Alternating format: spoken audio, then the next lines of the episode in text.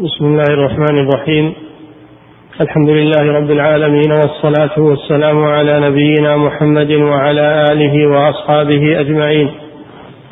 أما بعد قال المؤلف رحمه الله تعالى وعن أبي هريرة رضي الله عنه قال قام فينا رسول الله صلى الله عليه وسلم خطيبا ذات يوم فذكر الغلول فعظمه وعظم أمره ثم قال لا ألفين أحدكم يجيء يوم القيامة على رقبته بعير له رغاء. يقول يا رسول الله أغثني فأقول لا أملك لك شيئا قد أبلغتك. لا ألفين أحدكم يجيء يوم القيامة على رقبته فرس له حمحمة. فيقول يا رسول الله أغثني فأقول لا أملك لك شيئا قد أبلغتك. لا ألفين أحدكم يجيء يوم القيامة على رقبته شاة لها ثغاء. فيقول, فيقول يا رسول الله أغثني. فأقول لا أملك لك شيئا قد أبلغتك. لا ألفين أحدكم يجيء يوم القيامة على رقبته رقاع تخفق. فيقول يا رسول الله أغثني. فأقول لا أملك لك شيئا قد أبلغتك. لا ألفين أحدكم يجيء يوم القيامة على رقبته صامت فيقول يا رسول الله أغثني؟ فأقول لا أملك لك شيئا قد أبلغتك. أخرجاه في الصحيحين. وزاد مسلم لا ألفين أحدكم يجيء يوم القيامة على رقبته نفس لها صياح. فيقول يا رسول الله أغثني؟ فأقول لا أملك لك شيئا قد أبلغتك. في البخاري عنه أن النبي صلى الله عليه وسلم قال ولا يأتي أحدكم يوم القيامة بشاة يحملها على رقبته لها يعار. فيقول يا محمد فأقول لا أملك لك شيئا قد أبلغتك. ولا يأتي أحدكم ببعير يحمله على رقبته له رغاء. فيقول يا محمد فأقول لا أملك لك شيئا قد, أبلغ قد بلغتك. وقوله هنا نعم. وقوله هنا صلى الله عليه وسلم لا أملك لك من الله شيئا كقول إبراهيم عليه السلام لأبيه لأستغفرن لك وما أملك لك من الله من شيء. وأما شفاعته. بسم الله الرحمن الرحيم. الحمد لله رب العالمين. صلى الله وسلم على نبينا محمد. وعلى آله وأصحابه أجمعين.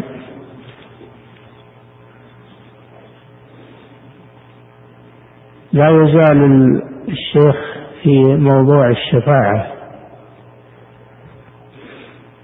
وفي هذه هذا الحديث برواياته تحريم الغلول وأنه كبيرة من كبائر الذنوب.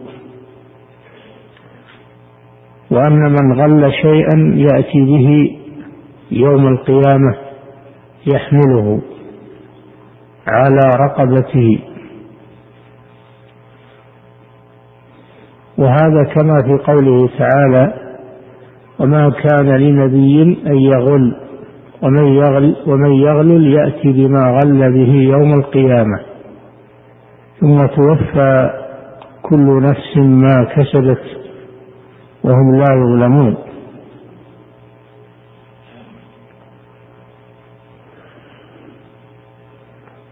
والغلول هو أن يأخذ من المال العام يأخذ من المال العام ما لم يؤذن له فيه من قبل ولي الأمر.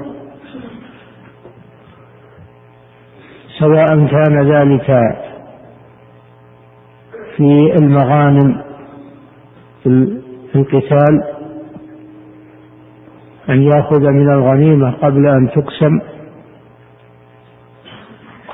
أو كان ذلك في الزكاة إذا جمع الزكاة فإنه يأخذ منها شيئا ولا يعطيها لمستحقيها. أو كان ذلك من بيت المال العام لمصالح المسلمين.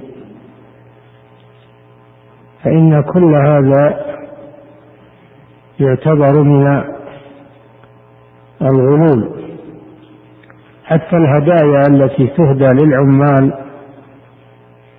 على جباية الزكاة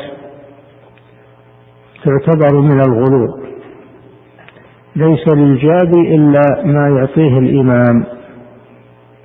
أما أن يأخذ من المزكين من الناس هذا أمر كبيرة من كبائر الذنوب. قد قال صلى الله عليه وسلم هدايا العمال غلول.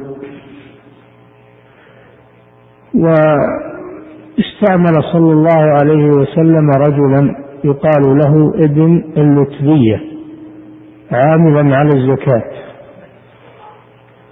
ذهب الرجل في مهمته ثم جاء بالأموال فقال هذا لكم وهذا أهدي إلي. فغضب النبي صلى الله عليه وسلم غضبا شديدا ثم خطب فقال ما بالنا نستعمل الرجل على ما ولانا الله عليه؟ ثم يأتي فيقول هذا لكم وهذا أهدي إلي. أفلا جلس في, في بيت أمه فينظر هل يهدى إليه أو لا. دل هذا على أن الموظفين الذين يقومون بالأعمال من قبل ولي الأمر لا يجوز لهم أن يقبلوا الهدايا فهذا يسمى غلولا ويسمى رشوة فيه آفتان خطيرتان الغلول والرشوة. فهذا أمر لا يجوز ويجب على العامل يعني الموظف العامل ليس خاصا بالعامل على الزكاة بل كل موظف فهو عامل. فيجب عليه أن يقوم بالعمل على الوجه المطلوب ولا يحوج المراجعين إلى أنهم يدفعون له شيئا. من أجل أن ينجز أعمالهم أو أن يتمالى مع المراجعين ليعطيهم حق غيرهم ويحيث معهم حتى يعطوه شيئا. وهذا يتناول القضاة ويتناول كل من استعمل على عمل من أعمال المسلمين. الواجب عليه أن يؤديه بأمانة وأن يقتصر على ما على الراتب الذي يعطى له في مقابل عمله أو في أو يقتصر على ما يعطيه له ولي الأمر في مقابل عمله. هذا هو الأمانة. وقد تساهل كثير من أهل الأطماع ممن قل إيمانهم. تساهلوا في الرشوة تساهلوا في الغلول. وصاروا يتسابقون إلى أخذ أموال الناس ويعتبرون الوظائف فرصة لأخذ أموال الناس لأجل إنجاز أعمالهم أو إعطائهم شيئا لا يستحقونه. يعتبرون الوظيفة مغنما يستغلونه في ابتزاز أموال الناس. فالخطر عظيم. مع أنه كبيرة من كبائر الذنوب فإنه يفضح يوم القيامة والعياذ بالله فيأتي بما غل فضيحة له ومشقة عليه قد يحمل الأشياء الثقيلة قد يحمل أشياء ثقيلة والعياذ بالله يحمل البعير هل أحد يستطيع يحمل البعير؟ يحمل البقرة يحمل الشاة قد يحمل الدراهم الكثيرة بالملايين يحملها على رقبته. قد يحمل الأراضي التي أعطيت له رشوة أو هدية أو ما أشبه ذلك يأتي يحملها يوم القيامة فضيحة له. من يغلل يأتي بما غل يوم القيامة ثم توفى كل نفس ما كسبت وهم لا يظلمون. والشاهد من الحديث أنه يستغيث بالرسول صلى الله عليه وسلم لينقذه من هذا الموقف يوم القيامة. الرسول صلى الله عليه وسلم يقول لا أملك لك من الله شيئا قد بلغتك يعني في الدنيا. بلغتك. في الدنيا أن هذا أمر محرم وأن هذا أمر لا يجوز. فعصيتني. خالفت أمري. وارتكبت نهي. فالآن أنا لا أملك لك من الله شيئا. كما قال لأقاربه في الحديث السابق لا أملك لكم من الله شيئا. قل إني لا أملك لكم ضرا ولا رشدا. وإنما الرسول صلى الله عليه وسلم مبلغ عن الله. وقد بلغ البلاغ المبين. فلا عذر لمن يأتي يوم القيامة. ويطلب من الرسول صلى الله عليه وسلم. والاستغاثة الاستغاثة طلب النجدة عند الخطر استغاثه الذي من شيعته على الذي من عدوه فالاستغاثة أخص من الاستعانة. الاستعانة تكون في الأمور العادية لكن الاستغاثة أخص ما تكون إلا في الضرورات. والاستغاثة على قسمين. استغاثة بالمخلوق فيما يقدر عليه فهذا لا بأس به. استغاثه الذي من شيعته على الذي من عدوه. أما الاستغاثة بالمخلوق فيما لا يقدر عليه إلا الله هذه شرك أكبر. يخرج من الملة. كالاستغاثة بالأموات كالاستغاثة بالأموات أو بالأحياء في الذي لا يقدرون عليه. فالميت لا يقدر على شيء أصلا. وأما الحي فقد يقدر على بعض الأشياء وقد لا يقدر على على بعض الأشياء مما هو من من اختصاص الله سبحانه وتعالى. فيستغاث به في الدنيا وفي وفي الآخرة أيضا. استغاثوا به في الآخرة إذا إذا بعث الناس صاروا أحياء حاضرين.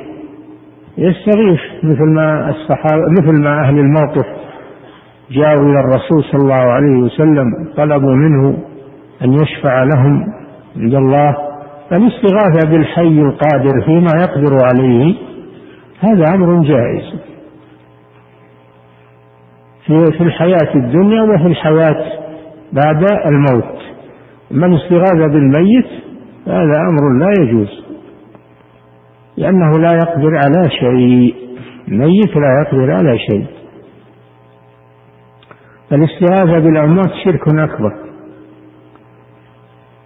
لأنهم لا يقدرون على أن يغيثوا من أغاثهم وإن كان القبوريون يزعمون أن لهم تصرفا في الكون وأن لهم جاها عند الله فيلجؤون إلى قبورهم ويستغيثون بهم ويطلبون منهم الحوائج فهذا شرك أكبر يخرج من الملة لأنه نوع من أنواع العبادة ولا يجوز تجوز العبادة إلا لله سبحانه وتعالى.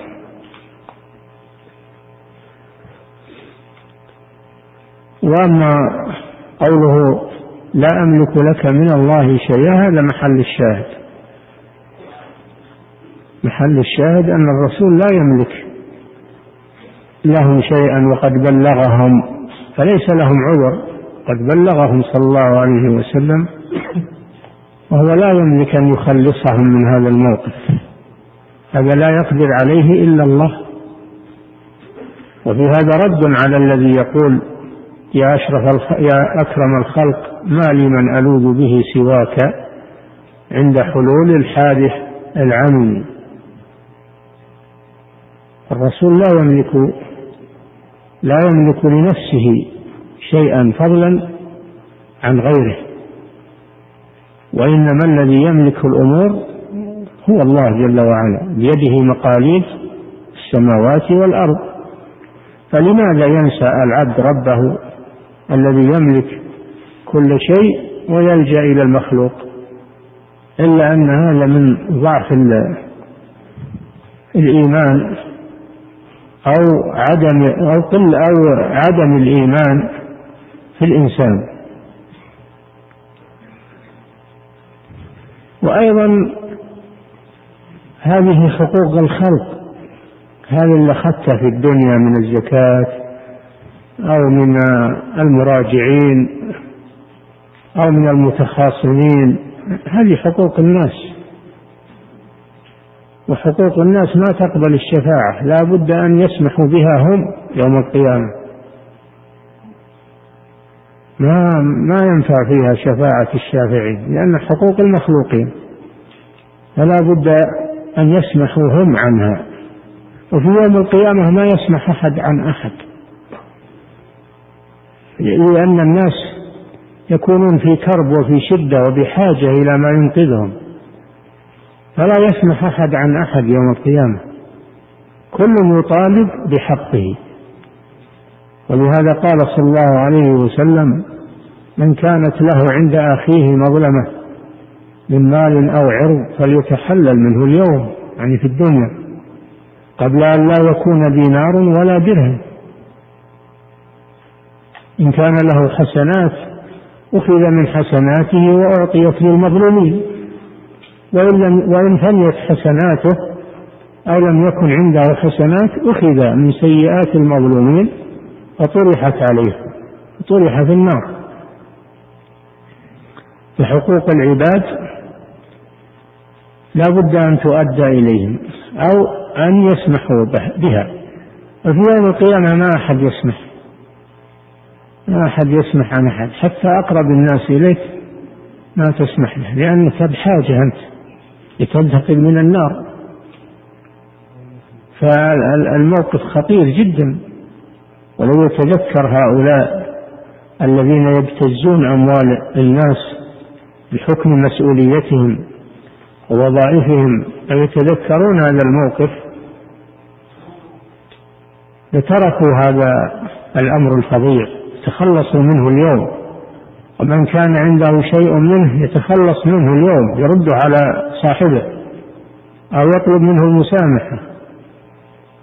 قبل أن يتورط بالموت ثم لا ثم لا يستطيع حين ذاك التخلص. فهذا أمر له أهميته وقد تساهل فيه الناس.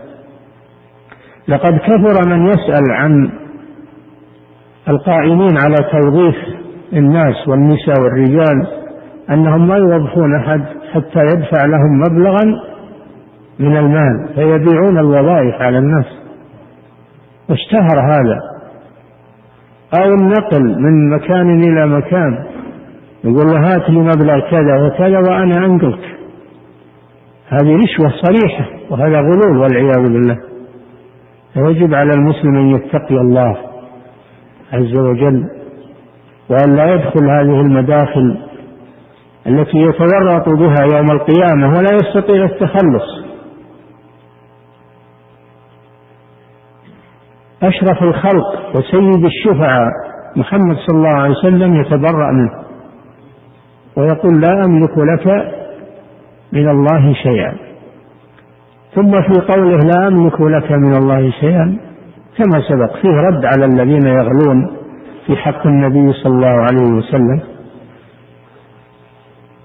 وينزلونه منزلة الرب وأنه يملك الأشياء وأن المخلوقات ما خلقت إلا من أجله ما خلقت إلا من أجل محمد صلى الله عليه وسلم ويغلون في حقه صلى الله عليه وسلم وأنه يملك كل شيء.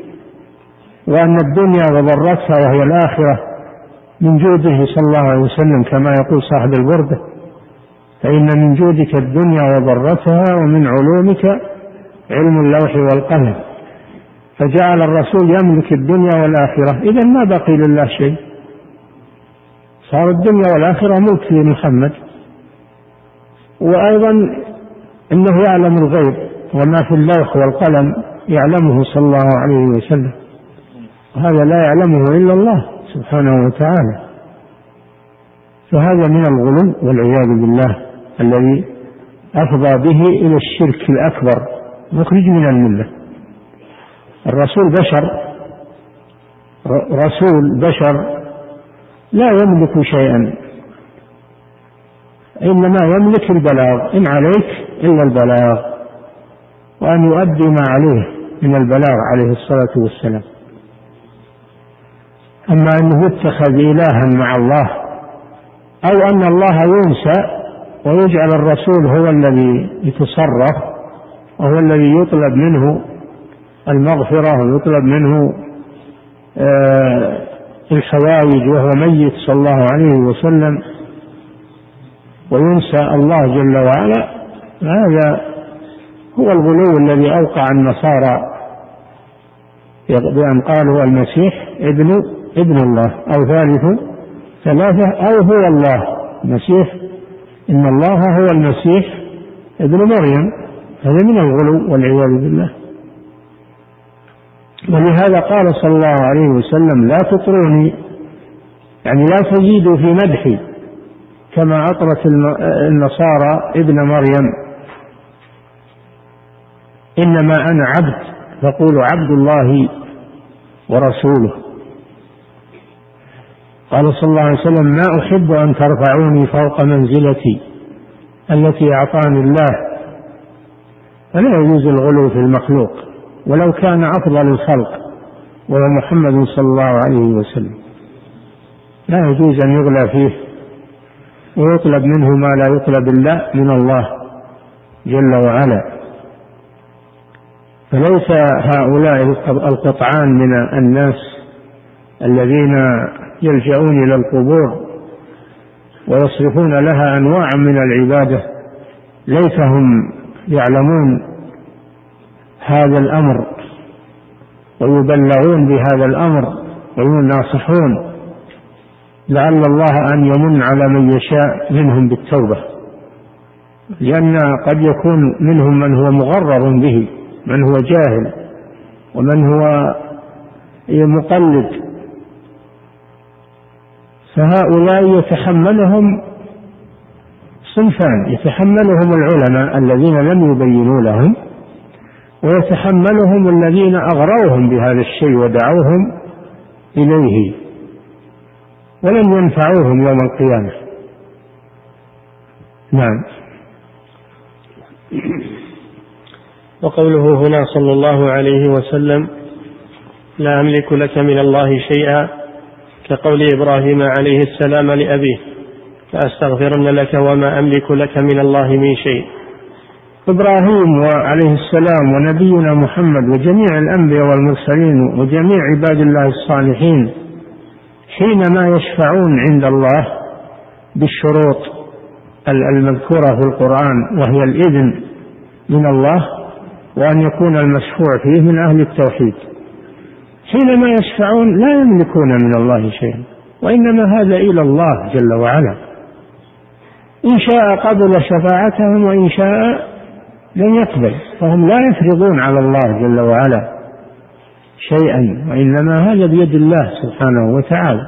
وإنما الذي يشفع سبب إنما هو مجرد سبب. وأما أنه يحصل المقصود فهذا بيد الله سبحانه وتعالى كسائر الأسباب. فلا يعتمد على المخلوق في أنه يحصل لهم ما يريدون أو يحقق لهم ما يطلبون وإنما يعتمد على الله جل وعلا. واتخاذ الأموات شفعاء هذا ليس من الأسباب هذا ليس سببا مشروعا. بل هو سبب باطل. ليس من الأسباب. لا يجي واحد يقول أنتم تقولون هذا من الأسباب فأنا أدعو الميت من باب الأسباب. نقول لا الميت دعاء الميت ما هو بسبب. قال الله جل وعلا إن تدعوهم لا يسمعوا دعاءكم ولو سمعوا ما استجابوا لكم ويوم القيامة يكفرون بشرككم ولا ينبئك مثل خبير. فالميت دعاؤه ليس سببا. طلب الشفاعة منه ليس سببا. من الأسباب. هذا ممنوع. نعم. وأما شفاعته ودعاؤه للمؤمنين فهي نافعة في الدنيا والدين باتفاق المسلمين. إنما الذي يملكه صلى الله عليه وسلم هو الدعاء. هو الدعاء والشفاعة. المشروعة بالشروط. هذا هو الذي ملكه الله إياها. وهو سبب من الأسباب. أما تحصيل النتيجة فهي بيد الله عز وجل. ولا يملك الذين يدعون من دونه الشفاعة إلا من شهد بالحق وهم يعلمون. هذا دليل على أن الشفاعة لا تنفع إلا أهل التوحيد. شهد بالحق قال لا إله إلا الله وهم يعلمون معناها يعملون بمقتضاها أهل التوحيد. فالمشرك لا تقبل فيه شفاعة. لا تقبل في المشرك شفاعة بتاتا والكافر والمرشد لا تقبل فيه شفاعة. ولا يملك الذين يدعون من دونه الشفاعة أم اتخذوا من دونه شفعاء؟ قل ولو كانوا لا يملكون شيئا ولا يعقلون. قل لله الشفاعة جميعا. قل لله الشفاعة جميعا. فلا تكون الشفاعة إلا بإذنه من ذا الذي يشفع عنده إلا بإذنه نعم. وأما شفاعته ودعاؤه للمؤمنين فقول إبراهيم عليه السلام لأبيه لأستغفرن لك. ثم قال ولا أملك لك من الله شيئا هذا دليل على أن الاستغفار مجرد سبب. قد ينفع وقد لا ينفع. وقد بين الله أن دعاء أن استغفار إبراهيم لأبيه إنما كان قبل أن يعلم إبراهيم أن أباه عدو لله. فلما تبين له أنه عدو لله تبرأ منه. عليه الصلاة والسلام. واستثنى الله كما سبق أن نقتدي بإبراهيم في ذلك. قال قد كانت لكم أسوة حسنة في إبراهيم والذين معه إلى قوله إلا قول إبراهيم لأبيه. يعني فلا تتخذوه قدوة في ذلك. إلا قول إبراهيم لأبيه لا أستغفرن لك. لا يجوز الاستغفار للكافر الذي مات على الكفر ولا المشرك. الذي مات على الشرك الأكبر. لا يجوز الاستغفار. ما كان للنبي والذين آمنوا يستغفروا للمشركين ولو كانوا أولي قربى. من بعد ما تبين لهم أنهم أصحاب الجحيم. نعم. وأما شفاعته ودعاؤه للمؤمنين فهي نافعة في الدنيا والدين باتفاق المسلمين. نافعة في الدنيا والدين بإذن الله جل وعلا. بإذن الله. ما تنفع مجرد من دون إذن الله. لا بد من إذن الله جل وعلا. نعم. وكذلك شفاعته للمؤمنين يوم القيامة في زيادة الثواب ورفع الدرجات متفق عليها بين المسلمين. وقد قيل إن بعض أهل البدعة ينكرها. الشفاعة المشروعة التي تتوفر فيها الشروط. إذن الله للشافع أن يشفع ورضا الله عن المشفوع فيه. هذه أنواع منها أنواع خاصة بالرسول صلى الله عليه وسلم ومنها أنواع مشتركة بينه وبين غيره. فالأنواع الخاصة بالرسول صلى الله عليه وسلم أولا شفاعة العظمى. وهي المقام المحمود هذا خاص به صلى الله عليه وسلم. ويتميز به على الخلق يوم القيامة. ثانيا الشفاعة لمن دخل الجنة في رفع درجاتهم في رفع درجاتهم. أو شفاعة لهم في زيادة ثواب أعمالهم. هذه خاصة بالرسول صلى الله عليه وسلم. أما الشفاعة الأولى وهي المقام المحمود فهذه لا ينكرها أحد من أهل من أهل القبلة. لا ينكر أحد الشفاعة العامة. وأما هذه الشفاعة وهي شفاعته في رفعة درجات بعض أهل الجنة إلى درجات أعلى منها أو شفاعته في الزيادة في ثوابهم فهذه جمهور المسلمين يثبتونها. ويقول الشيخ وقد قيل إن بعض أهل البدع ينكرونها ففيها خلاف ضعيف فيها خلاف ضعيف. نعم. وأما الشفاعة التي يشترك هو وغيره فيها فهي الشفاعة في أهل الكبائر من المؤمنين. الشفاعة في أهل الكبائر من المؤمنين من الموحدين. هذه لا تختص به صلى الله عليه وسلم. بل هو يشفع والأنبياء يشفعون والأولياء والصالحون يشفعون والأطفال أطفال المسلمين الذين ماتوا على قبل بلوغهم يشفعون وهم الأفراط فهي شفاعة مشتركة. وهذه الشفاعة وقع الخلاف فيها بين أهل السنة والمبتدعة والخلاف فيها مشهور بين أهل السنة والمبتدعة من آه، الخوارج والمعتزلة ينكرون الشفاعة في أهل الكبائر مع أن الأحاديث فيها متواترة فهم ينكرونها ويقولون من دخل النار لا يخرج منها ويقولون إن مرتكب الكبيرة التي دون الشرك كافر كفرون بالكبائر التي دون الشرك. وبناء على ذلك فإنه لا لا شفاعة فيه والعياذ بالله. لا شك أن هذا ضلال مبين وإنكار لما تواترت النصوص لإثباته فهو ضلال مبين من الخوارج و والخوارج جمع خارجي. المراد بهم الذين خرجوا على ولاة الأمور. خرجوا على ولاة الأمور خرجوا على عثمان وقتلوه خرجوا على علي بن أبي طالب وقتلوه وخرجوا بعد ذلك ولا يزالون يخرجون على ولاة الأمور. هؤلاء هم الخوارج. وأيضا الخوارج الذين يكفرون بالكبائر التي دون الشرك. يكفرون بالكبائر التي دون الشرك. ويقتلون المسلمين بناء على مذهبهم الباطل على أن المسلمين كفار يقتلونهم. كما هي كما هو مشاهد من أفعال الخوارج ومن تكلمذ عليهم أو تأثر بهم أو قرأ كتبهم.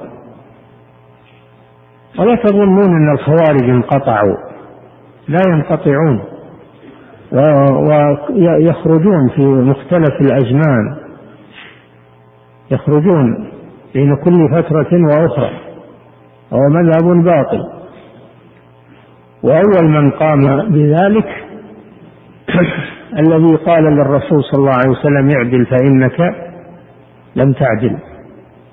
جاء الرسول صلى الله عليه وسلم يقسم الغنائم في حنين وهو بالخويصرة التميمي فقال يا فقال يا محمد اعدل فإنك لم تعدل. فقال صلى الله عليه وسلم ويلك من يعدل إذا لم أعدل. ثم لما ولى الرجل قال يخرج من ضئ هذا يعني على شكله أقوام تحقرون صلاتكم إلى صلاتهم وتحقرون صيامكم إلى صيامهم وعبادتكم إلى عبادتهم يمرقون من الدين كما يمرق السهم من الرمية. فأينما لقيتموهم فاقتلوهم فإن في قتلهم أجرا لمن قتلهم. وفي رواية لئن أدركتهم لأقتلنهم قتل عاد. مع كونهم من أكثر الصلاة الناس صياما وصلاة وعبادة وتلاوة للقرآن لكن الغلو والعياذ بالله أفسد عليهم أعمالهم لأنهم كانوا على جهل ولا يقبلون العلم المشكلة أنهم ما يقبلون العلم. نصحوا وبين لهم لكن لم يقبلوا ولا يزالون على هذا النمط ما يقبلون توجيه ولا يقبلون العلم.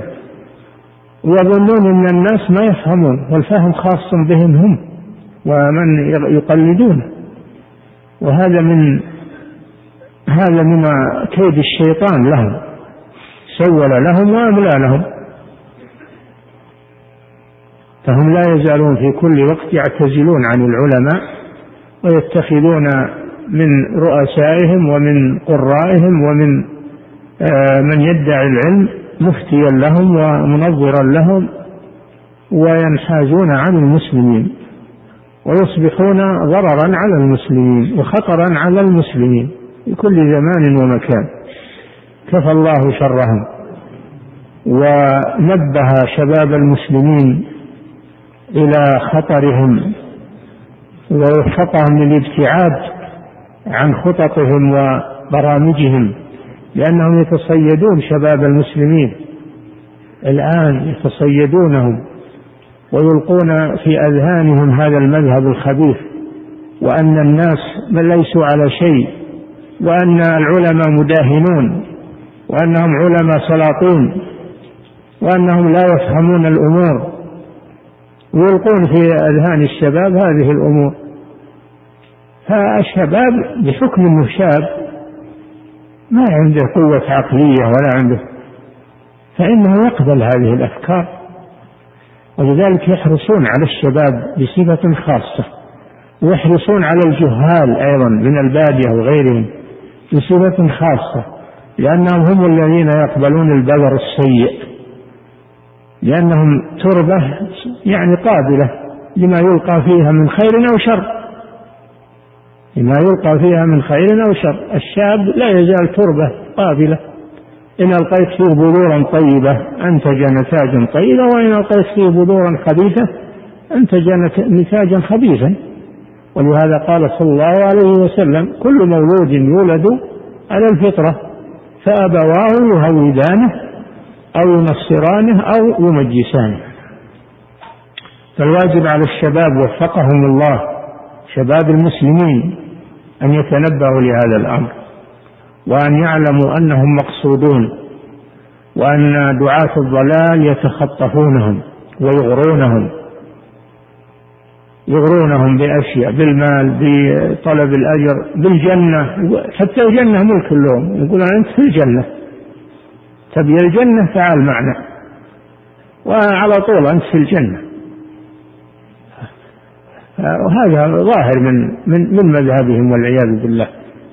فالواجب الحذر من هؤلاء والتحذير من هؤلاء وهذا يوجب على الشباب أن يقبلوا على طلب العلم على العلماء أن يقبلوا على طلب العلم واخذه عن العلماء المعروفين بالعلم والرسوخ في الدين أن يأخذوا العلم عنهم ولا يأخذوها من عن كل من هب ودب وتحمس وأظهر الغيرة للإسلام والأمر بالمعروف والنهي عن المنكر لا يقبل منه هذا. وهو غير معروف. من أين جاء؟ وأين تعلم؟ ومن وعن من تتلمذ؟ لا بد من هذه الأمور خصوصا في هذا الزمان لأنه التبس الحق بالباطل الآن. دعاة الضلال صار لهم إمكانيات الآن لم تكن موجودة من قبل. صار لهم إمكانيات وتصل إلى الشباب بسرعة من وسائل خاصة بهم فالخطر شديد الآن على شباب المسلمين. فعليهم جميعا أن يتنبهوا لهذا الأمر لئلا يقعوا فريسة لهؤلاء الدعاة الضلال. ولا حول ولا قوة إلا بالله. نعم. فهم ينكرون الشفاعة. هذا من مذهبهم الباطل. بناء على أن مرتكب الكثيرة كافر والكافر لا تنفع فيه الشفاعة. ويقولون إن من دخل النار لا يخرج منها. من قال إن من دخل النار لا يخرج منها؟ يخرج منها بشفاعة الشافعين وب وبكرم الله وعفوه سبحانه. ما دام عنده أصل التوحيد وأنه ليس بكافر هذا وإن عذب في النار فلا يخلد فيها. لا يخلد فيها. استدلوا بآيات سيأتي أن المصنف رحمه الله ذكرها ثم رد عليها. نعم. وأما شفاعته صلى الله عليه وسلم لأهل الذنوب من أمته فمتفق عليها بين الصحابة والتابعين بإحسان وسائر أئمة المسلمين الأربعة وغيرهم. سائر أئمة المسلمين الأربعة أبي حنيفة ومالك والشافعي وأحمد هؤلاء الأئمة الأربعة وسائر أئمة المسلمين من غير الأربعة كالأوزاعي و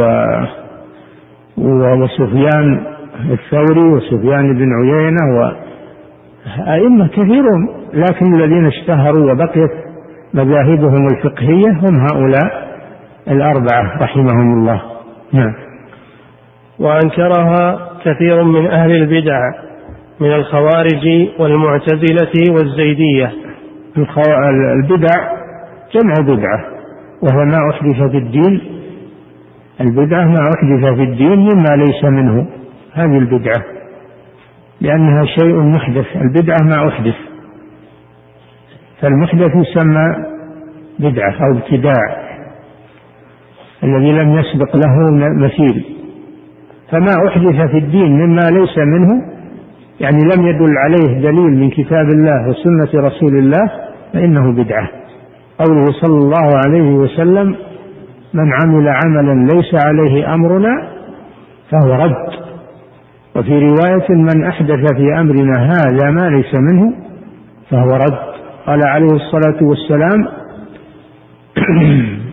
من يعش منكم وسيرى اختلافا كثيرا. فعليكم بسنتي بسنة الخلفاء الراشدين المهديين من بعد تمسكوا بها وعضوا عليها بالنواجذ وإياكم ومحدثات الأمور.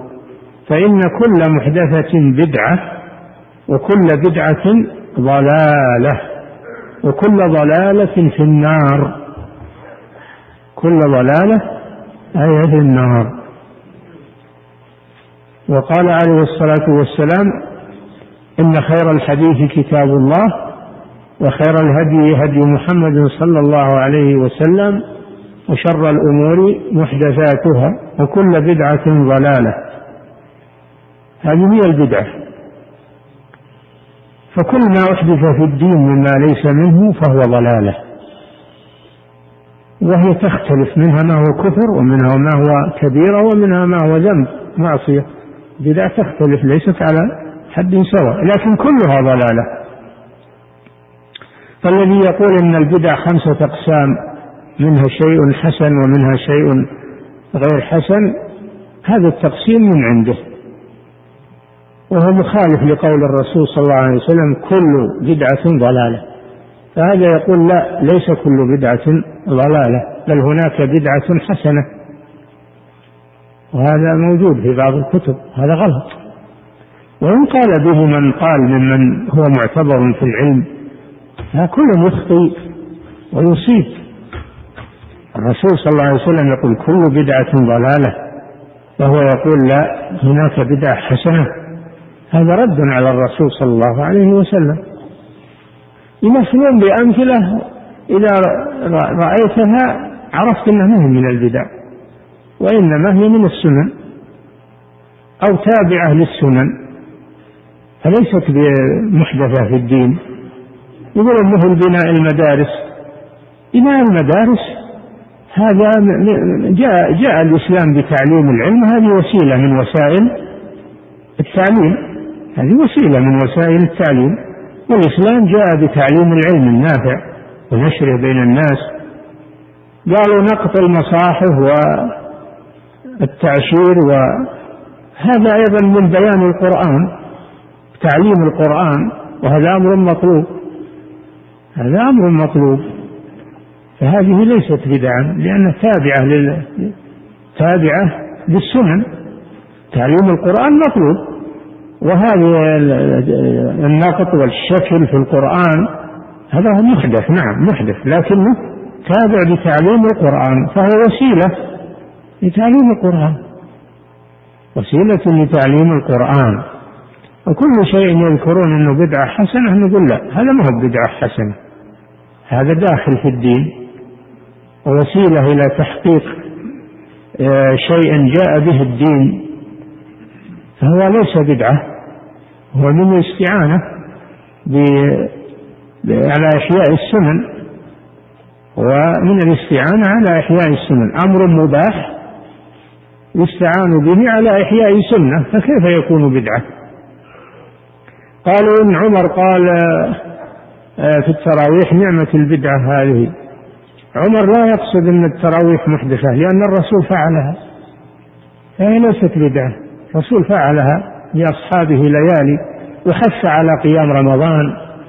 قال من قام رمضان إيمانا واحتسابا غفر له وقال صلى الله عليه وسلم من قام مع الإمام حتى ينصرف كتب له قيام ليلة فليست التراويح بدعة ولم يحدثها عمر. إنما الذي فعله عمر أنه جمع الناس على إمام واحد وكانوا متفرقين في الأول. فجمعهم على إمام واحد وكانوا مجتمعين على خلف الرسول صلى الله عليه وسلم. ليالي صلاها بهم ليالي جماعة عليه الصلاة والسلام. لكنه تأخر عنهم خشية أن تفرض عليهم. فلما مات الرسول صلى الله عليه وسلم انتهى التشريع. فلم يخشى أن أن يفرض عليهم شيء بعد وفاة الرسول صلى الله عليه وسلم. فإنما عمر أحيا ما كان على عهد الرسول صلى الله عليه وسلم لأن المحظور انتهى. المحظور انتهى. فأعاد الرسول أعاد عمر رضي الله عنه ما كان على عهد الرسول لم يبتدع شيئا. أما قوله نعمة البدعة هذه المراد البدعة اللغوية البدعة اللغوية لا البدعة الشرعية. فمثلا السيارات الآن هذه محدثة بدعة. هذه بدعة. والمباني الحديثة والإسفلت والطرقات هذه كلها ما كانت موجودة من قبل. هذه ليست من الدين هذه من أمور الدنيا. فلا يقال إنها بدعة بل هذه من المنافع التي أباحها الله سبحانه وتعالى ليست من الدين وإنما هي من المباحات والانتفاع بما خلق الله لنا في هذا الكون من المنافع. لكن كان من قبل ما عثروا عليه وعثر عليه العالم المتأخر ألهمهم الله العثور عليه لحكمة يعلمها سبحانه وتعالى فهو ليس بدعة شرعية وإنما هو بدعة لغوية ليست من ليست من البدع الشرعية. فقول عمر نعمة البدع يعني جمعهم على إمام واحد. جمعهم على إمام واحد. إنه شيء ما اعتاده الناس بعد وفاة الرسول صلى الله عليه وسلم فهو جمعهم.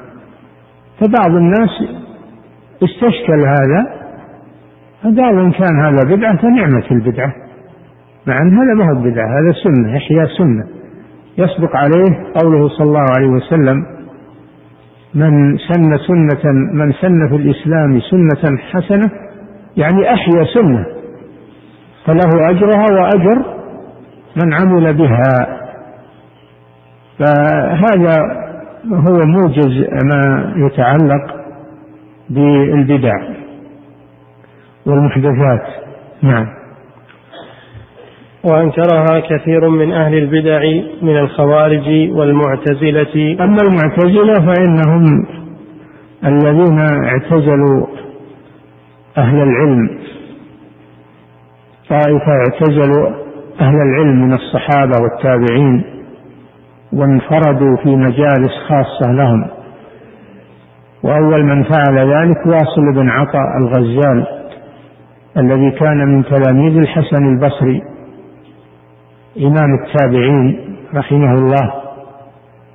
لما سئل في الحلقة عن حكم مرتكب الكبيرة سئل الحسن رحمه الله عن مرتكب الكبيرة التي دون الشرك فقال هو مؤمن ناقص الإيمان. ولا وليس بكافر. فقال واصل أنا لا أقول مؤمنا ولا أقول كافرا أقول هو في المنزلة بين المنزلتين. فأحدثوا المنزلة بين المنزلتين. هذه خاصة بالمعتزلة وهي وهي محدثة بدعة محدثة. ما فيه منزلة بين المنزلتين. ما فيه أحد ليس بمؤمن ولا كافر. الإنسان إما أن يكون مؤمنا وإما أن يكون كافرا. مؤمنا كامل الإيمان أو مؤمنا ناقص الإيمان وإما كافر. الله جل وعلا يقول هو الذي خلقكم فمنكم كافر ومنكم مؤمن. ولم يقل ومنكم من هو لا كافر ولا مؤمن في المنزلة بين المنزلتين. فهذه بدعة أحدثها المعتزلة وجعلوها من أصولهم التي يقررونها وهي باطلة وهي باطلة. ينكرون الشفاعة يشاركون الخوارج في إنكار الشفاعة في أهل الكبائر لأنهم ليسوا مسلمين عندهم وليسوا كفارا فلهم في المنزلة بين المنزلتين كما يقولون. نعم. والمعتزلة والزيدية. الزيدية أتباع زيد بن علي بن الحسين وهم طائفة من الشيعة. الزيدية طائفة من الشيعة الذين تشيعوا لأهل البيت وهم ينتسبون إلى زيد بن علي بن الحسين فسموا بالزيدية. نعم. وقال هؤلاء من يدخل النار لا يخرج منها. لا بشفاعة ولا غيرها. نعم. وقال هؤلاء من يدخل النار؟ هؤلاء الفرق الثلاث الخوارج والمعتزلة والزيدية. قالوا إن من يدخل النار لا يخرج منها. نعم. من يدخل النار لا يخرج منها لا بشفاعة ولا غيرها. وعند هذا من جهلهم هذا من جهلهم. أنكروا المتواتر. نعم. وعند هؤلاء ما ثم إلا من يدخل الجنة فلا يدخل النار ومن يدخل النار فلا يدخل الجنة. لا يجتمع عندهم في الشخص الواحد سواء أما, أما من يدخل الجنة فإنه لا يدخل النار هذا نعم. من يدخل الجنة فإنه لا يدخل النار. أما العكس وهو من يدخل النار لا يدخل الجنة هذا باطل. هذا باطل وجحود لما تواتر في النصوص. من إخراج أقوام من النار من أهل الإيمان أصحاب الكبائر. نعم. ولا يجتمع عندهم في الشخص الواحد ثواب وعقاب. وهذا باطل أيضا بل يجتمع في الشخص ثواب وعقاب. يثاب على الطاعة ويعاقب على المعصية. يقول لا إما أنه يثاب فقط أو يعاقب فقط. النصوص دلت على أنه يجتمع في الشخص يجتمع فيه يجتمع فيه ثواب وعقاب يجتمع فيه طاعة ومعصية يجتمع فيه الكفر الأصغر أو الشرك الأصغر مع الإيمان. أن إنما لا يجتمع مع الشرك الأكبر أو الكفر الأكبر المخرج من الملة. فهذا من من جهلهم وأنهم لم يتلقوا العلم عن العلماء. فاحذروا أن تسلكوا هذا المسلك وأن تتلقوا علمكم عن الأصاغر أو عن المتعالمين أو عن أهل الضلال الذين يظهرون لكم النصيحة والمحبة وهم يريدون أن يضلوكم عن سبيل الله. نعم. وأما الصحابة والتابعون لهم بإحسان وسائر الأئمة كالأربعة وغيرهم فيقرون بما تواترت به الأحاديث الصحيحة تواترت الأحاديث الصحيحة في إثبات الشفاعة في أهل الكبائر والمتواتر هو ما يرويه جماعة عن مثلهم من بداية السند إلى نهايته. تستحيل تحيل العادة تواطؤهم على الكذب.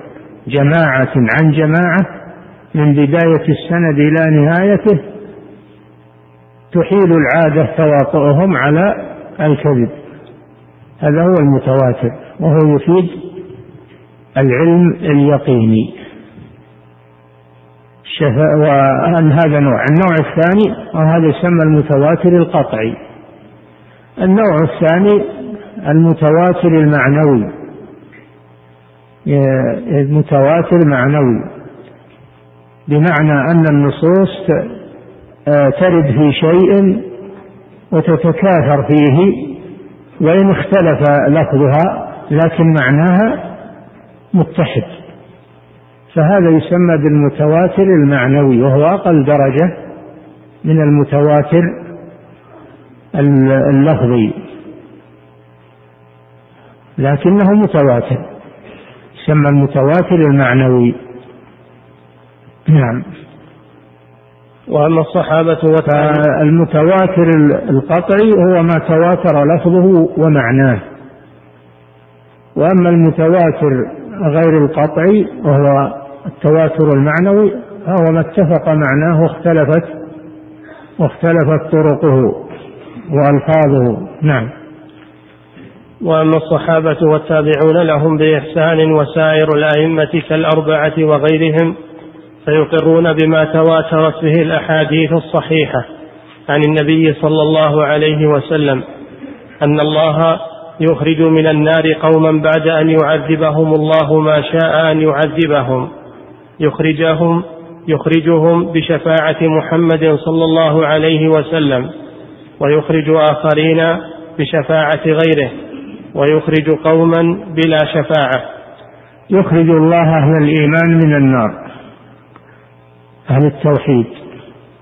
ما دام عندهم التوحيد ولم يخرجوا عن التوحيد ولم يشركوا بالله شيئا لكن عندهم كبائر فهم يخرجون من النار ولا يخلدون فيها. هذا بإجماع أهل السنة والجماعة. فمنهم من يخرج بشفاعة الشافعين. الله يأذن للشافعين في أن يشفعوا فيهم فيقبل الله شفاعتهم. ومنهم من يخرجه الله بدون شفاعة بل بمنه وفضله لأنه من أهل الإيمان ومن أهل التوحيد فيخرجه بدون شفاعة بل بفضله وإحسانه سبحانه وتعالى لأنه من أهل التوحيد ومن أهل الإيمان. نعم. يخرجهم بشفاعة محمد صلى الله عليه وسلم ويخرج آخرين بشفاعة غيره ويخرج قوم بلا شفاعة. نعم. واحتج هؤلاء المنكرون للشفاعة. يمكن نقف عند هذا. نعم.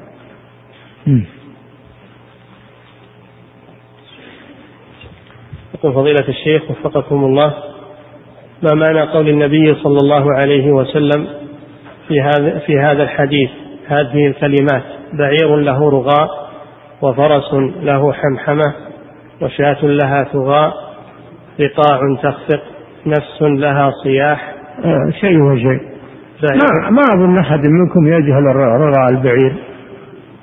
ولا أحد منكم يجهل صغاء الشاة أو البقرة. لها خوار. ما أحد منكم يجهل هذا. أنتم عرب. عرب فصحاء أحد منكم يجهل هذا. ما وش غيره؟ فرس له حمحمة. حمحمة الفرس صهيل الفرس كلكم يعرف هذا. نعم حتى العجم يعرفون هذا.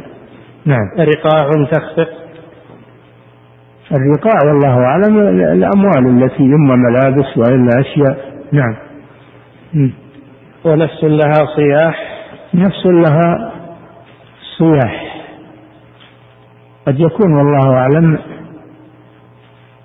المراد به ما سبق من من ثغاء الشاة ورواء البعير و يعني كل ما له نفس وحياة.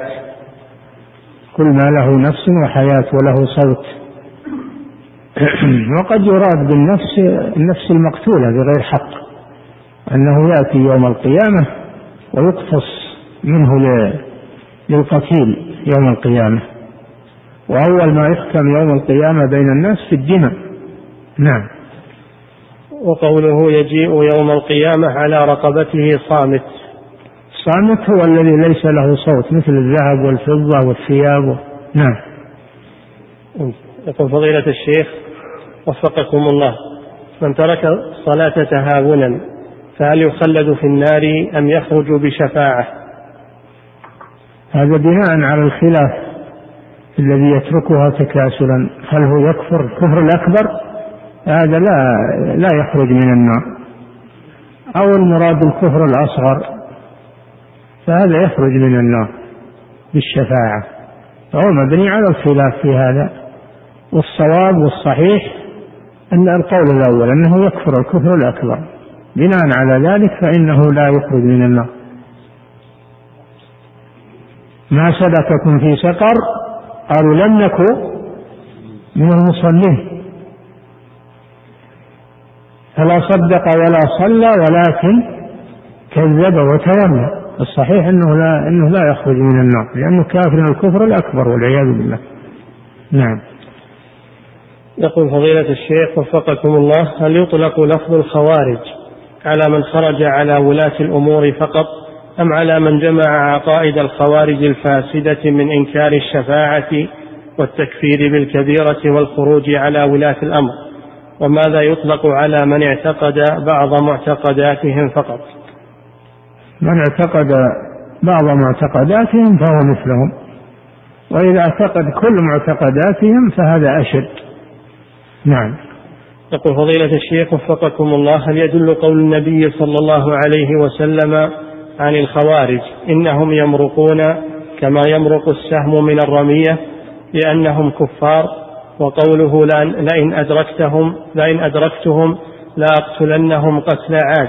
هل يدل هذا أيضا على أنهم كفار لأن قوم عاد كفار؟ نعم يظهر هذا والله أعلم. ولذلك ذهب بعض العلماء إلى تكفيرهم الكفر الأكبر. والبعض الآخر يرى أنهم غير كفار وأنهم ضلال وأهل ضلال والعياذ بالله ولا يكفرونهم. والمروق من الدين يختلف. قد يكون مروق كفر وقد يكون مروق فسق دون الكفر. نعم.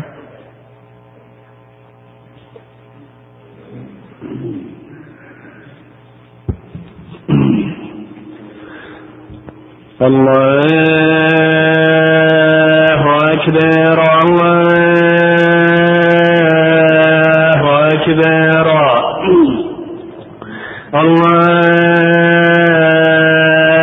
أكبر الله أكبر. أشهد أن لا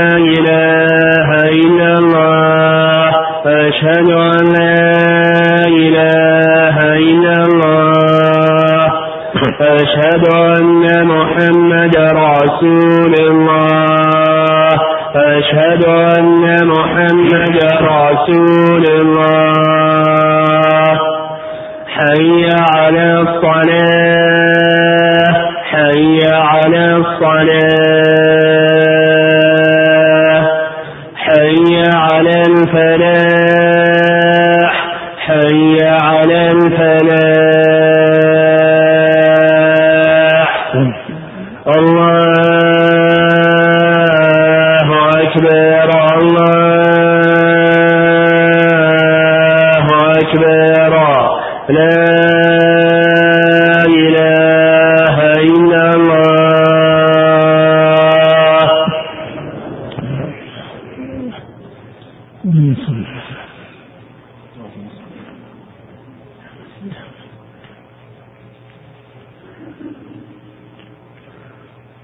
وأما قتل الخوارج قد يكون قتلهم لأجل كفرهم كما يقتل الكافر وقد يكون قتلهم من أجل من أجل إفسادهم في الأرض من أجل إفسادهم إفسادهم في الأرض كفا لشرهم. نعم.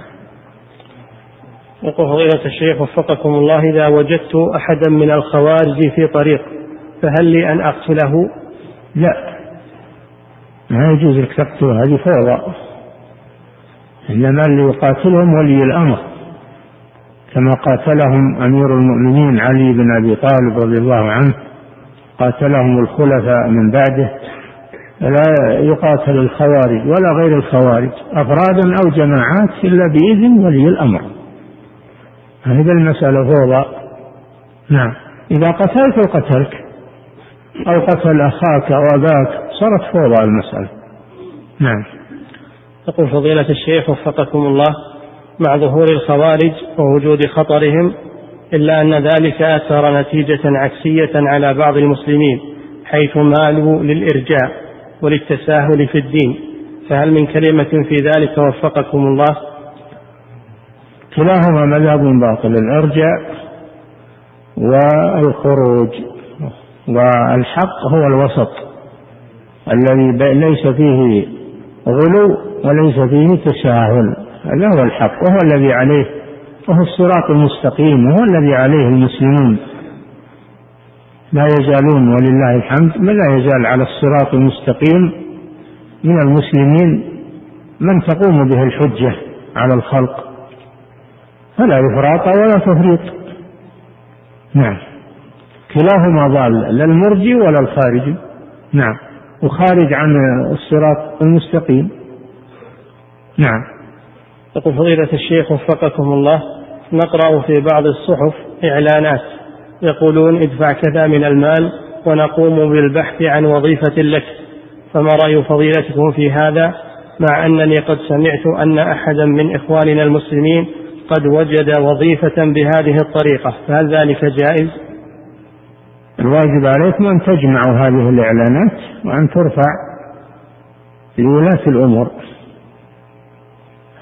هذا معناه معناه أنه أنهم يبيعون الوظائف والأعمال وأن الوظائف ملك لهم يوظفون من يشاءون لا بحسب الكفاءات ولا بحسب الشهادات. فإذا كان صحيحا ما تقول تجمع هذه الأوراق وترفع لولاة الأمور. نعم. يقول فضيلة الشيخ وفقكم الله يوجد أخ لي في دار المعاقين وأنا أدفع للممرضة مبلغا من المال. يدفع لإيش؟ يقول هناك أخ لي في دار المعاقين وأنا أدفع للممرضة مبلغا من المال في فترات مختلفة لكي تقوم برعاية أخي. فهل هذا من الرشوة؟ أعد السؤال. يقول يوجد أخ لي في دار المعاقين. وأنا أدفع للممرضة مبلغا من المال في فترات مختلفة لكي تقوم برعاية أخي. فهل هذا من الرشوة؟ هذه رشوة صريحة لأن هذه موظفة تقوم على أخيك وعلى غيره. إذا أعطيتها انصرفت عن الآخرين وجت لأخوك أو أنه تعتاد هذا الشيء فلا تخدم إلا من يدفع لها شيئا. ويفسد على الثاني هذا لا يجوز هذه رشوة. نعم. يقول فضيلة الشيخ وفقكم الله في غير هذه البلاد عندما يريد الواحد للذهاب إلى بلده لصلة رحمه تقف في وجهه نقاط التفتيش وتقول له ادفع رشوة ولو شيئا قليلا ثم يذهب. وإذا لم يدفع فإنهم يعطلونه الساعة والساعتين أو أكثر حتى يلحقه العنة والمشقة وربما أنزلوا جميع عفشه. فهل يسوق فهل يسوغ له دفع الرشوة للخروج من هذا العنت؟ الرشوة كبيرة من كبائر الذنوب وقد لعن النبي صلى الله عليه وسلم الراشي والمرتشي والرائش وهو الساعي بينهما فلا يتساهل فيها وهؤلاء بإمكانك ترفع بشأنهم إلى ولاة الأمور هناك ترفع بشأنهم إلى من وظفهم وجعلهم في هذا المكان. وإذا لم تقدر اسأل العلماء في البلد الذي فيه هذه الآفات. أما نحن ما نتدخل في هذا. نعم. وهذا يقول فضيلة الشيخ أنا, في دولة كافرة ولا أستطيع أن آخذ حقي إلا عن طريق الرشوة فهل يجوز لي ذلك؟ هذا مثل الجواب اللي قبل سواء اسأل أهل العلم في بلدك هذا.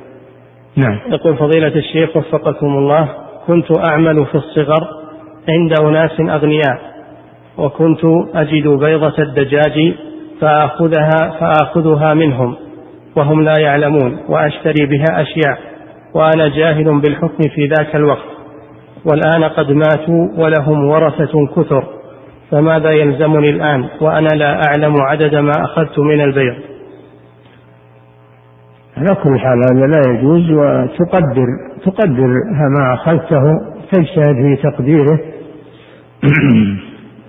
وتحتاط تدفعه لورثتهم فإن لم تجد لهم أحدا ولا تدري وينهم ولا تصدق بهذا المال على أن ثوابه لهم وأن تخلص منه.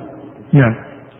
يقول فضيلة الشيخ وفقكم الله هل لي أن أرد مظالم الناس؟ عن طريق الصدقة عنهم أو الصلاة عنهم هل يجوز ذلك؟ إيش؟ يقول هل لي أن أرد مظالم الناس عن طريق الصدقة عنهم أو الصلاة عنهم؟ كيف ترد مظالم الناس؟ إذا ما يعني إذا ظلمت أحد وأخذت ماله مثل ما سبق في الجواب اللي قبل هذا إنك إن علمته أو علمت قريبه أو وارثه ترده عليه وإذا لم تعلم فإنك تتصدق به على نية ان الأجر لصاحبه. نعم. يقول فضيلة الشيخ وأما الصلاة لا. الصلاة لا. لكن الدعاء تدعو لهم نعم. أما الصلاة ما يصلي أحد عن أحد. نعم. يقول فضيلة الشيخ وفقكم الله هل الأفضل للمظلوم أن يحتفظ بحقه ليوم القيامة ولا يسامح خصمه في الدنيا لأنه سيكون بحاجة للحسنات يوم القيامة أم, أم أن الأفضل المسامحة. من عفا وأصلح فأجره على الله. الأفضل المسامحة. الأفضل المسامحة. والعفو. نعم. يقول فضيلة الشيخ وفقكم الله إذا قدم الطالب لمعلمه في نهاية العام أو عند انتقال المعلم من المدرسة إلى مدرسة أخرى. قدم له درعا مكتوبا عليه بعض كلمات الشكر والثناء على ما قدم المعلم خلال الفترة السابقة. هل يجوز ذلك؟ الدرع هذا ما فيه فائدة وش الفائدة منه؟ زود فضل يشيله معه ما أشوف فيه فائدة. هذا من العادات والتقاليد اللي ما فيها فائدة. نعم. يقول فضيلة الإنسان درع يلبسه هذا ما يجوز لأنه رشوة. أما إن كان درع حصاة ينقله ولا حجر ولا لوحة شو الفائدة منها؟ أنت كلفتها الآن. نعم. يقول فضيلة الشيخ وفقكم الله أنا إمام مسجد وتأتيني زكوات وعلي ديون كثيرة. نعم أنا. أنا إمام مسجد وتأتيني زكوات وعلي ديون كثيرة.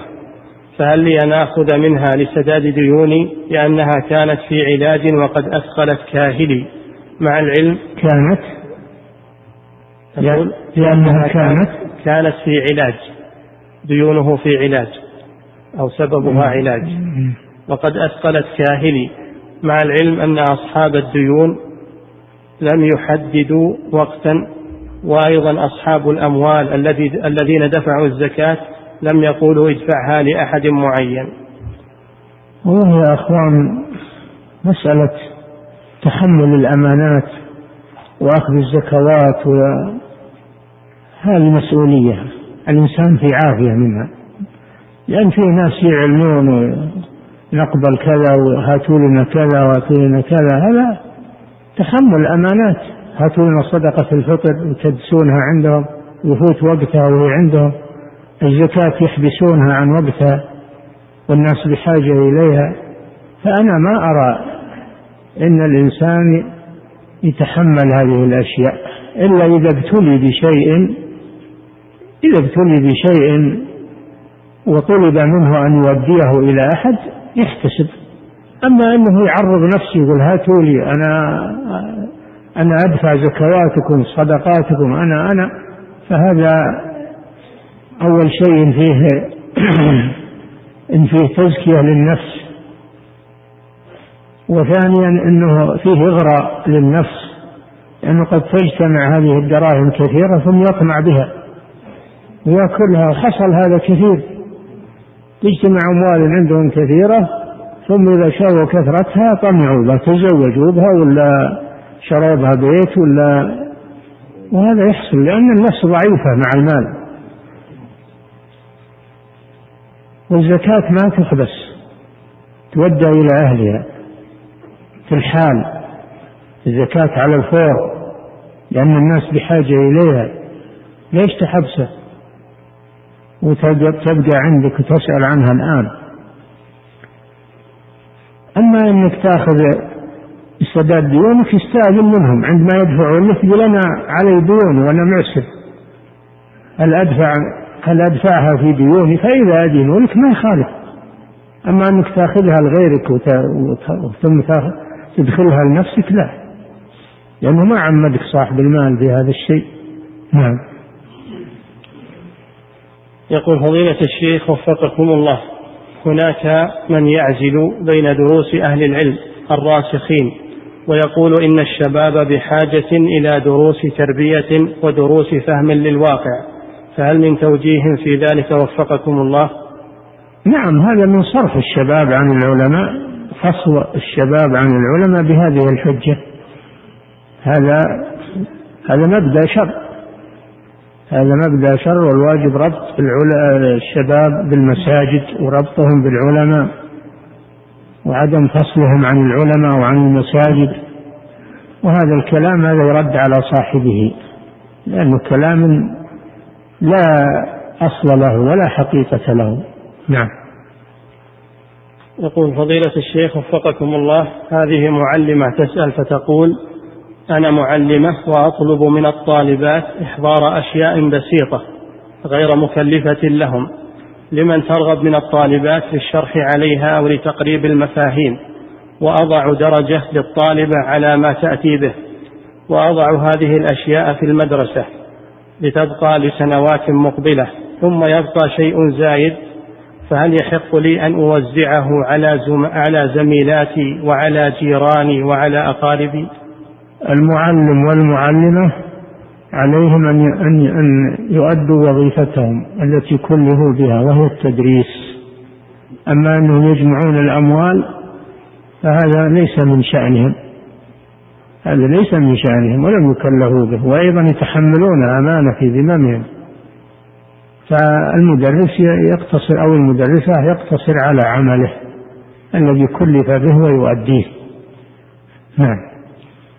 يقول فضيلة الشيخ وفقكم الله طلب مني أحد الإخوة من خارج هذه البلاد أن أسأل فضيلتكم هذا السؤال وهو أنه يؤجر أو يريد أن يؤجر محلا لحلاقة الشعر فإذا فعل المستأجر في ذلك المحل شيئا مخالفا كوصل الشعر بالشعر مثلا فهل يجوز لصاحب المحل أن يأخذ أجرة على ذلك؟ لا تؤجر إلا من تثق به تعلم أنه ما يعمل محرم ولا يحلق حلاقه محرمه واشترط عليه انه إنه يلتزم بالحلاقه الشرعية من أجل إنه إذا خالف تخرجه تقول هذا مخالف للشرع. فأنت اضبط أمورك لا تأجر من هب ودب وبعدين تقع في حيرة معه. وهو تسلط عليه يقول أنا مستاجر وأنت تأخذ من الأجرة. من الأول اشترط عليه. نعم. يقول فضيلة الشيخ وفقكم الله ما حكم أخذ الانتداب من العمل رغم أن المنتدب لا يذهب إلى مكان الانتداب وإنما فقط تعتبر مكافأة من المدير المباشر لأنه لا يوجد تحفيز من العمل للموظف فيكافئه مديره بإعطائه هذا الانتداب. هذا يحكمه النظام الذي وضعته الدولة فإذا كان هذا يتمشى مع النظام فلا بأس. أما إذا كان هذا احتيال على النظام وكذب فهو ما يجوز. نعم. يقول فضيلة الشيخ وفقكم الله ما هو دورنا أهل السنة والجماعة في هذا الوقت حيال ما يتعرض له إخواننا من أهل السنة من قتل وتهديم للبيوت وحرق للمساجد من قبل الرافضة مجوس هذه الأمة؟ فما هو التوجيه لنا؟ وفقكم الله. أنتم لا تملكون إلا الدعاء للمسلمين. ادعوا لهم بالنصر والتأييد وأن الله ينقذهم مما وقعوا فيه. والدعاء له مكانة عند الله سبحانه وتعالى. ثانيا عليكم أن تناصحوا إخوانكم أنهم لا يتسرعون في الأمور أو يسمحون أن يدخل معهم من ليس معروفا. عندهم وموثوقا عندهم يندس قد يندس معهم أعداء يوقعوهم في هذا الشيء. فأنتم تنصحونهم في هذا الشيء. أول شيء بالرفق والتأني في الأمور وعدم الطيش وأن الذي لا يقدرون عليه يتركونه اللي ما يقدرون عليه يتركونه لأنه يجر عليهم شر. الرسول صلى الله عليه وسلم كان في نفسه يلقى على ظهره السلا وهو ساجد عليه الصلاة والسلام ويؤوى أصحابه ويضربون ويسحبون في مكة. ولا أمر أحد أنه يضرب في الكفار أو يقتل أبا جهل أو يقتل آه، الوليد بن المغيرة أو لأن هذا يجر على المسلمين شرا وإن كانوا كفارا. اللي ما يقدرون المسلمين عليهم أنهم يصبرون. إلى أن يكون عندهم إمكانية يكون عندهم قدرة. انصحوهم بهذا. قولوا لهم لا توقعون أنفسكم أو يوقعكم عدو لكم يدخل بينكم ويورطكم بهذه الأمور. نعم. انتهى. والله تعالى أعلم وصلى الله وسلم على نبينا محمد وعلى آله. الله أكبر.